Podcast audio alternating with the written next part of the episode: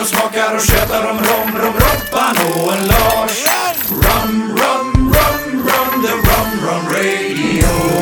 Sådär kära romvänner. Idag så är det så att Romradion befinner sig på Nordic Rumfest i Köpenhamn. Och eh, tro det eller ej, men den första personen jag springer på här inne i byggnaden är faktiskt Xavi från Diplomatico. Xavi, welcome to the Rum Radio. Thank you very much, Lars. How are you? Yeah, great to see you. I mean, it's fun. Actually, first time we met was in Copenhagen, That's and that was, I don't know how many years ago. Yeah, close on 10, I believe. 10 years ago, Yeah, the first time I came, so it will be around 10. Yeah, yeah, well, that's amazing. And it was uh, we were having a lot of fun at that time. Yeah. yes, yes, yes. And it's good to see you. You're still in the industry. You're still in the same company. Yeah. Can you tell me a little bit about your background and, uh, like, you just uh, told me now that you used to be a journalist and you used Yeah. to do radio. Yeah, yeah, yeah. So I, uh, my, my first career is uh, journalism. So before starting in the company in Diplomatico, I was basically working in media, doing uh, local news in Venezuela, my city called Barquisimeto. Uh, and I was having my radio show. I was in radio for like eight years. I started actually quite quite young, before you know university, and then I left actually when, when I finished pretty much my university and started working as a as a journalist. And uh, yeah, I started in the in Diplomatico in 2006. So it's been 16 years working with them. Uh, by the time I graduated as a journalist, I knew that I wouldn't live as a journalist in my life because I found out that it wasn't my like real passion. And I believe that if you want to be a journalist, you have to be really passionate about that. Uh, but on the other hand, in the middle of the, of the university, I discovered marketing, advertising, PR, and I really, really like that. So I was more focused on preparing myself in marketing and advertising. And then, uh, yes, and then I was, uh, I started to, to work more, mostly in marketing and advertising, advertising as well. And um, at the time I was doing the, the local news, I was also working with an advertisement uh, agency from a friend. And then it was a colleague of myself who was working in the TV who told me that he was joining uh, Dusa, the distillery, to start working in Dusa in the marketing team. And I told him like, oh, that, that could be cool. I would love to have a chance to work in spirits because my dad, in the old days when he was a kid, he was uh, a area manager, sales area manager for beer in Venezuela. So I got a little bit of that, you know, li- a way of living, let's say, at home, and it was always interesting, of course. And of course, in marketing, spirits is a very dynamic uh, uh, category and business, and it's always nice for a marketing guy to, you know, to have the experience at least. So he started one month before me. Then he told me, yes, there is an open position for marketing. So if you want to come, you know, you can participate in the process. And here I am, 16 years later. I have been uh, working in marketing as a brand manager in, in Venezuela for Diplomatico, but also for other brands, uh, property of Dusa. So you know, Dusa is the largest uh, com- di- distillation complex in, in Venezuela, and they do like every single spirit in every single category they can do. So we used to handle more portfolios than, rather than just brands, and I was doing first different brands, then the whole rum portfolio, then juvenile target brands. And yeah, with Diplomatico, I had a couple of years working in Venezuela. Then I was I was uh, tired of the situation in the country. Most likely, uh, especially in those in those days, it was pretty unsafe. And as a brand manager, you were in every single event, pretty much in the country. So you were facing the danger like everywhere you, you you went at that time. So I was a little bit tired. My mother is from Spain. My mother's family are from Spain, so I got the chance to to move. And at that time, I say, listen, I'm tired of this. I want to move. I was thinking to just change the country and change job, etc. But the company was actually working in the international expansion of Diplomatico, and they were actually setting the whole thing in Spain. So I got the chance to be actually promoted to export at that time. And the last 10 years, I've been doing basically exports. Uh, a little bit of global marketing for a couple of years, because we, we were building pretty much a whole team in those years. So yeah, it's been a very nice career internally and, and a lot of you know projects development in the middle that has been amazing for me. It must been, a, I mean, quite an interesting journey because, I mean, Diplomatico has grown so much over these years. Uh, so you've really seen. Exactly. Yeah, we, we have been part of that. That's for sure. Because when, when we took the when I started in exports, I believe we, we had like ten. We were present in like ten markets, and volumes were like fifty thousand cases all across the, the world. And nowadays we are in more than we're, we're around 120 countries these days, and it's it's a world leading brand right now in the premium category or super premium category. I will say the premium. So yeah, so it's been it's been amazing. I mean the whole pro, the whole the whole path that we have you know uh, living with the brand has been amazing. Watching the whole expansion, bringing new uh, new labels, new, uh, new new proposition to the market, and of course consolidating what is Reserva Exclusiva, which is uh, of course a flagship brand. Yeah. So yeah, it's been for us. It's been fantastic to see a small brand how it became the leading brand basically in that category. What, what would you say? What, what has been like the key reason for Diplomatico to be so successful? Well, I, I believe there are, there are I believe there are many different elements that it was you know there's not one one thing that will be you know that will make you be the best one or successful or that will be most luck than anything in that sense. But actually there was i believe a combination of things that are first i believe that the focus that the from the ceo from jose to the rest of the of the company they have put in this project since day one uh, it's been it's been amazing. I remember when i started uh, actually exports were they were losing money well while the local business in venezuela was you know booming and they were getting a lot of you know big big big profits from that the export business was losing money. And, the, and part of the company was like thinking that that doesn't work you know to to, to jump in and, and, and, try it. But jose was pushing and he basically uh, put all his efforts especially in the beginning. He was the export manager he was the brand ambassador he was doing whatever kind of things you can imagine to show the brand to the world uh, and I believe everyone in the team has the same focus, which is quite quite important. So, if you can see, we have a couple of products around that we also distribute, but the people recognize us as Diplomatico because we have been just doing this as Diplomatico. and um, and that, that that for me is one of the most important things. On the other hand, I believe that of course the quality itself of the rum is uh, is quite quite quite interesting. So I mentioned before that we are the largest uh, distillation complex in the, in the country, and this is due to the fact that the company was owned by Seagram's in the past. So Seagram's made a huge investment in the company in terms of technology uh, at that time. And one of the things they focused when, because actually Diplomatico was released by Seagram's back in 1989. When they released Diplomatico, actually the idea was to create a new way of making rum in Venezuela, where all rum traditional has been done with column stills. You know, see Hispanic method style and light rums. That's the way. So they came up with pot still from Scotland, a batch kettle still, which is something kind of rare in the, in the distillation universe, and they brought it from Canada. So they were Canadians. They brought it from, from Canada, and of course column stills. And then the first step was okay. Let's let's distill rum and let's age rum from these distillation methods and let's see what will come out.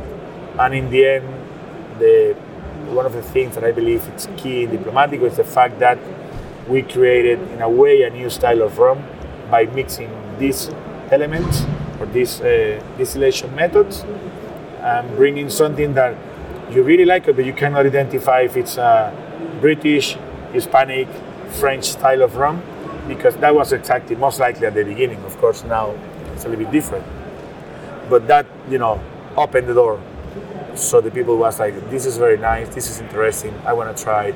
I want to see, have you tried this rum? This rum is very nice. That has been pretty much how the thing started and how it's been expanding. And um, and I believe also the timing was uh, uh, such an important thing. By the time we launched Diplomatico in the international market, the super premium category actually didn't exist. There were just a couple of rums.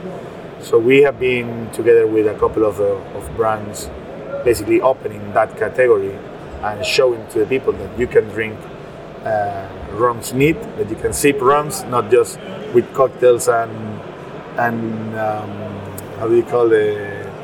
Uh, ah, I forgot the Like long drinks or exactly yeah, rum and coke and exactly or, or, or tiki you know Oh, it's, yeah, yeah. it's more than that. And um, which is amazing by the way we love it. As a rum drinkers we love all of that. But people didn't know that they could drink rum in a different way. And uh, and of course that that's been quite important because we have been opening the the, the, the door to many other brands right now that are in the market doing similar styles or similar category products which in the end benefit all of us because we are in the end building a new a new category, a new way of drinking rum that in the end will you know build a new you know, a new consumer, let's say, Yeah. in the rum industry. Yeah, because this is exactly what you say. I mean, this is the transition that rum has going has gone through to be like a product that has been consumed locally in the countries of origin, basically, uh, and then in export market mostly as a cocktail ingredient, not so much as a neat drink. Yeah. But now what we see is really this development where rum is starting to compete with whiskey and uh, cognac and other products to to really be, you know, something. Uh, more exclusive that we uh, a little bit of everyday luxury that we Yeah. want to experience. You're completely right, and that's another thing I believe. Also, when you compare rum with whiskey, cognac, rum might be the most democratic spirit in the world for for, for, for many reasons, uh, and um, and I believe also the diversity we have, you know, compared with with again with whiskey, cognac, where traditionally they have been done in a particular region or a particular country. I, I used to start my master classes saying that if you want to understand rum, you need to you need to map rum as wines. You know, rum can be done in so many countries that in the end, and they were coming from the same raw material, which is sugarcane. So, but but you can see how rum will taste so different from you know from from a country to the other country, just in the way they uh, they just in the way they treat the raw material, in the way they ferment, in the way they distill, in the way they age, in the way they blend. So, and that's the beauty of it. But that's actually, I believe, why rum has been booming that fast because in the end, it's so democratic. You know, it's, it's it has an easy access, good cost per quality, and that helps a lot. You know, the drinkers to to go and try. Actually, a lot of whiskey drinkers have been swapping to rum. Uh, I don't know, maybe because we are more we are much more fun than whiskey. Rum is fun. That could be. but on the other hand, also because again, you're having the chance to try good quality, maybe half cost and uh, same level of whiskey, and uh, and also a new, of course, you know, new palate to your to, to your to your flavors profiles and to, to your to your you know, uh, to your taste. let's. Yeah. I, I, I I actually pres- uh, I, I say exactly what you say that, that rum and wine has so many similarities Yeah. because it's produced all over the world and more and more like uh, origins they start to look at what's specific for our region. just like the wine world of course like you have red wines in Australia which are big and full bodied and you have New Zealand wines which are more white wines and more they specialize because they have different climates and they have you know in, in the rum world, maybe it's more of what traditions you have and uh, distillation techniques. Yeah, I- actually, I believe that, i i and I believe this is what we are living now after all these you know years that we have been building the premium category. Actually, now is where rum brands are showing what's actually behind. You know, what's the origin. So now you are trying like overproof rums, single cask rums, uh, single distillation, and all these things are now making people look. Okay, so you try this one, you like it, and it's very nice and beautiful. Now you're gonna see what's behind, and now you're gonna understand better. And I believe there's a huge effort that many brands are putting in that, which is fantastic from my point of view because in the end that's giving depth to the to the rum world and to the category. And it's like you you came here, now you stay here. Like- Exactly, that's, exactly. that's pretty much the the feeling I had. And uh, you know, in Norway we we try to, to, to do it of, of course uh, as well. The only thing that I believe is complicated when you see Venezuela as a rum producing country against others is that the Venezuelan alcohol uh, law is super strict in terms of naming products as rum. So I remember when, again, when we do master classes and we bring like the fresh uh, distillates, you know, on age, like the pot still rum. When you smell the pot still rum uh, or the pot still spirit coming from the from the from our pot still, people just fall in love and it's like, can I keep the bottle? It's like, I would love to, you know, label and sell it to you, but we couldn't label as rum, and that's a big issue for us because there's there are many things behind the brand that could be possible to show, but unfortunately because of the local regulations, if we do it, in the end it won't be rum, it will be something different. So we believe that it in the end will actually confuse rather than bring you know light to, to the people. And that's for example how we did uh, the distillery collection. It's, uh, it's fantastic as a tool to show the people how Diplomatico is, is made by showing you each of the distillation methods individually. But if you try those three rums, again, fresh juice coming from the still, it's a, you know, it's like a, it's like a different galaxy as the one that are in the bottle. But local regulations told us that if we want to have it uh, as a rum, it needs to be between 40, 50 ABV, and you know the whole other thing. So that's a that, that's a shame as a country because I believe all countries not in that mindset yet, especially the regulators and the the, the government that they if they understand what is happening in the rum world, for sure they will you know, change these kind of things to let us be able to bring this in a more massive way. As you can see, for example, from Jamaica or Barbados or you know, the agricole rums, for example. Yeah, yeah. But do you see that? Uh, I mean, now we're we're talking about uh, Venezuela as, as one region. If you would say what, what uh, is it also a way for you as a brand from Venezuela to kind of build the brand of Venezuelan rum, or, or I mean, as, as something unique? Yeah, Because I mean, it, it has all these uh, regulations. yeah, yeah, of, of course. Actually, actually, that's been that's been key uh, for us. I mean, I, I wouldn't complain, of course, on the positive things, of course, of the regulation.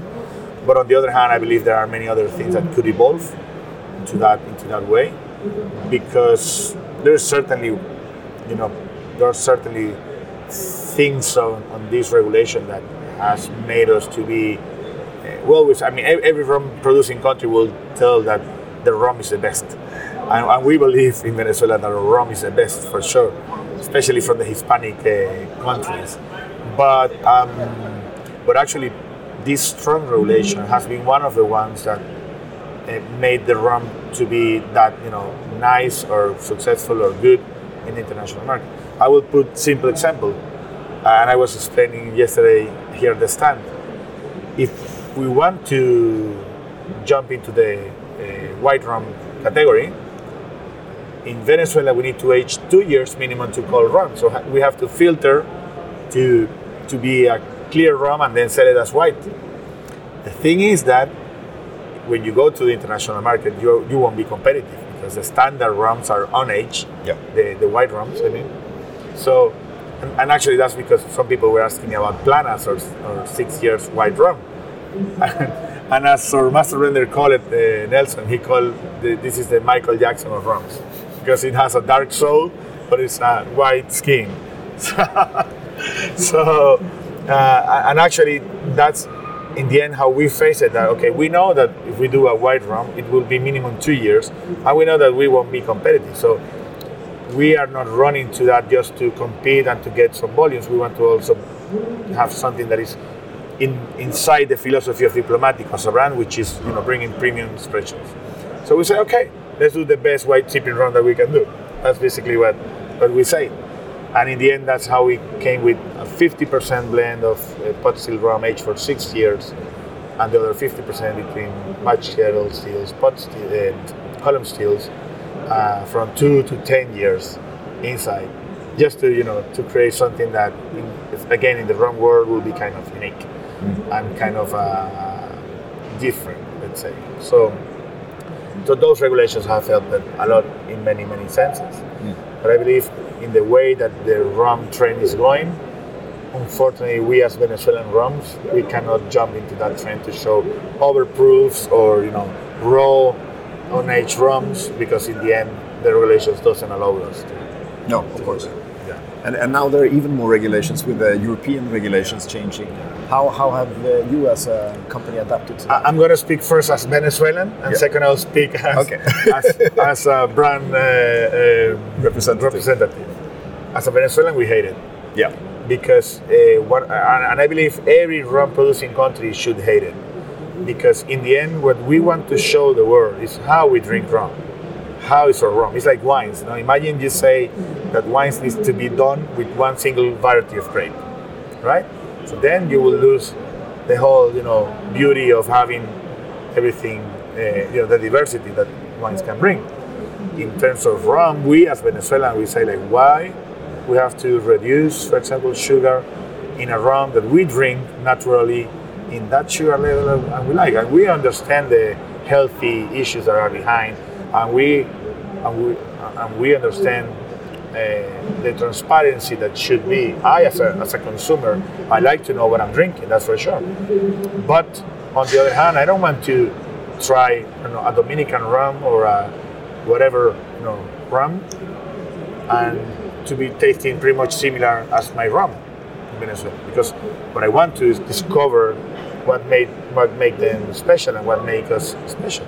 So, I, as a consumer, I, I really didn't like what the European Union did. I believe that they should most likely go into the transparency transparency thing, and then ask the supplier or the producers to put uh, ingredients on it, to put nutrition facts on it. And these kind of things will help you to understand what are you drinking, and then decide if you will buy the bottle of. Now, as a brand representative, in the end, we have to.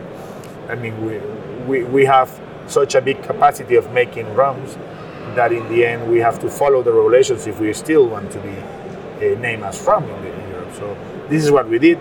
We have an amazing group of master blenders in the company and master distillers, and luckily for us, they they could you know work on the blend to keep having the mouthfeel, keep having the uh, sweetness style of our Reserva Exclusiva, which in the end was the only one affected by this regulation. And then uh, basically bring uh, uh, uh, a same old Reserva Exclusiva, less sugar, which is good in the end for consumers, but on the other hand, with the same tasting profile that you were used to drink Yeah. because of course that's one of the things that's the biggest fear that I suppose all of the rum producers had that what will happen if you change this in your rum what will happen if the rum change and what will happen with the consumer so we will we, we are following so we are okay with that and uh, Because you've always had different rums uh, and different exactly. and that's one of the things and actually I, I will take this chance also to, to, to talk about it a little bit. We uh, of course we are identified as diplomatico worldwide thanks to reserva exclusiva. But of course with all this sugar debate everything everyone who talks about diplomatico it's uh, unconsciously they are talking about reserva exclusiva so when the whole sugar debate started most of the people were referring to diplomatico as a sweet rum. And of course this is because of reserva exclusiva. And again we love reserva exclusiva and we don't mind. I mean, people who like it they are conscious and we and we have been transparent all the time to explaining that the rums not only exclusiva but especially exclusiva we we dose we, with those rums we use the dosage method which is also important to explain i believe to the people that it's not taking a bag of sugar and just dropping sugar in the in the barrel is actually creating a sweet rum liqueur pot still rum, in our case, is eight years old, and then that rum liqueur is added in a small proportion to the blend to bring this rumness and this this taste that we want to, to give to the to the rum. So, but in the end, the people, uh, it's been, and I understand, it's been uh, understand the people has been understanding that Diplomatico is reserva exclusiva. And one of the things we have been talking to all to, to, to, to consumers, rum connoisseurs, geeks, etc., is that Diplomatico is way more than that. So we have nine nine rums in our lineup right now. We have Planas, the white rum. We have Mantuano. We have Reserva Exclusiva, Selección de Familia, Distillery Collection 123, Ambassador, and Single Vintage. So you have a huge diversity of rums. Of course, you will always feel the essence and the core of Diplomatico because it's a stamp that we have there as a, as a liquid, as a taste. But you will see how different they can be. And this is thanks to the, the hands of our master blenders and how they build their rums. That's basically how it is. And you also have some new products coming up, but that's maybe a secret. Still, Yes, yes, yes, yes. We have uh, we have a new product that will come uh, next year. We were planning to launch it this year, but unfortunately, due to the uh, war in Ukraine, we decided it wasn't a good good moment to to do it. Uh, it's a it's a very very limited uh, product that we will that we will release. Um, name, well, I can tell because believe many people already know uh, as a secret, but they know uh, it's a, it's called Chancellor, and uh, it will be like the highest expression of, of, of Diplomático. So, so a couple of bottles will be around the, the international market, and I believe it will it will actually, as a result of all these years, it will actually show what makes maybe Diplomatico the most special thing, that is the art of blending that we have behind, combining these distillation methods with all the different type of barrels that we have. So you will find new barrels that are not in the current Diplomatico uh, portfolio, uh, plus of course some of the, of the regulars in our, in our rums. But it will be very, very, very special as a rum. I believe it will be like a celebration from the brand to, to, to bring that to, to, to the market. Well, I'm looking forward to maybe try that in the future then. Hopefully, yeah.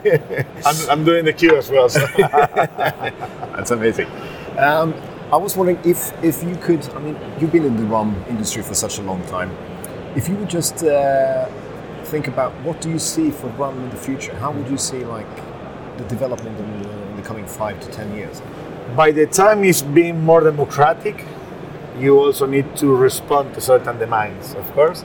And I believe from the from the, of course, what is clear is that rum has premiumized the whole thing a lot, and now most of the rum world is living in this premium uh, category. I believe that will stay for for long, long time, and uh, of course, more expressions will come around that category but I believe one of the things that we lived some years ago that was that boom of uh, flavor or um, spice rums, I believe is now transitioning to that premium level.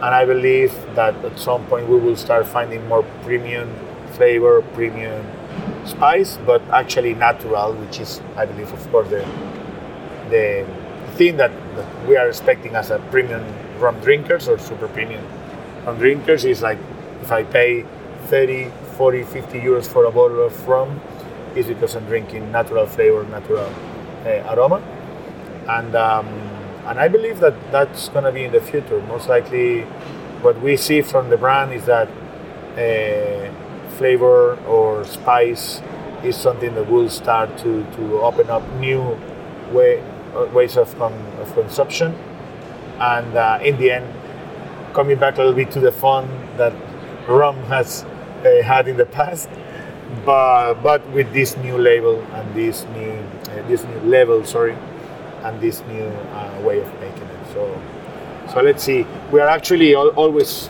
understanding how this, you know, how this will be, and what should we do. Because on the other hand, that doesn't mean that we have to do everything that is on trend. Uh, but of course, we are always you know watching what are the possibilities for the brand, and if it's something that will still be in the philosophy of the brand and will taste good, then why not? then why not? So, so let's see. Yeah. Let's see. Maybe maybe some rum with uh, chocolate from Chuao from Venezuela. That would be very nice. Why not? Yeah. More conceptual like uh, ideas. Yeah, absolutely, absolutely. If you would say um, a rum that you tried recently or last year that you found really interesting, anything, what could that be? Well, actually, uh, it's not a commercial rum, but I tried actually yesterday. It blew my mind. Uh, one of uh, one of my colleagues in another brand, uh, he came with a sample of rum from Ghana, from Africa. Uh, I, I understand that they are working on you know releasing that brand in the future. I don't know the brand; they had just the sample. It was a 66 ABV, 66 percent of alcohol, uh, on age white, and it was beautiful. Honestly, I believe one of the most beautiful overproof rums that I have uh, that I have tried. We were a couple of guys from the industry trying with this guy, and all of us we wanted to steal the, the sample and take it at home. So yeah, yeah, yeah. so yeah, yeah. Was was uh, very, very, very uh, interesting. But I mean, nowadays there are so many, so many rums in the market that um, I believe, uh, and that, again, that's the beauty of rum. That it's, I'm against to be just you know following one brand. That, and again, it's like wine. For me, rums should be like wine. You eventually you drink a regular wine, but you are always open to try new things, and that's what what it's you know what is coming right now in the rum, and that's what we should do. Yeah. Taste new, new, new, new, new. Yeah, So- and I I agree. Once again, the, the kind of comparison to wine, because wine you drink different depending on what occasion you Exactly. drink. What food are you compa- uh, comparing it with, or what, what kind of is it late in the evening, or is it as an aperitif, or uh, and you have you know you have different things that you like. Yeah. And I think the One world offers the same opportunity. Because there's something you want to mix in your cocktail, there's something you want to drink neat, and there's something that you like to drink maybe just before dinner or something after dinner. And you know, it, it could be totally different. Yeah, things. yeah, it's exactly that. Yesterday, I had a lady at the stand, and she was asking me, you know, that if I can explain her the differences between each of them. And I told her we can go to the technical uh, facts, or I can tell you the best occasion of drinking one of them. So, and she was like, "Yeah, tell me about that." And it was like, "Okay, so you know, Reserva Exclusiva it's more like an after meal drink, so you can sit, have a nice uh, rum after your, you know, as a digestive." big danger is that most likely you will end the whole bottle at the end of the dinner, but but, but it works. Then Mantuano, of course, mostly for cocktails. Then, of course, Planas, uh, kind of rarity. So in the end, you know, I was explaining to her about this that way, and she was like, like opening her mind. You know, I saw the face that she was opening her mind, like, oh, so yeah, yeah. So this is like, I can do that. You know, I can pick my rum under the occasion I want to to celebrate or, or to, to, to sit and have a drink. So, so definitely, definitely. I, I have been talking about this for maybe 10 years now, but definitely my best advice to rum drinkers or people who is starting in the rum uh, adventure, rum journey, is to see this as wine and get the mind open to try many, many different things and, and find your taste and, and repeat on your taste when you find it. So Exactly. that's how it is. Well, thank you so much for having you on the Rum Radio. It's been great talking to you, and uh, I hope to bump into you sometime in the future. I guess you're going to be in Berlin as well. Yeah, for sure. We will be. No, thank you, uh, Lars. It's been amazing to see you after some years. Some years. And uh, yeah, I'm looking forward to, to listen your your podcast and learn some Swedish as well. I will try. Rum, rum, rum, rum, the rum, rum radio. De och smakar och tjötar om rom, rom, Robban och en Lars. Rum, rum, rum, rum, the rum, rum radio.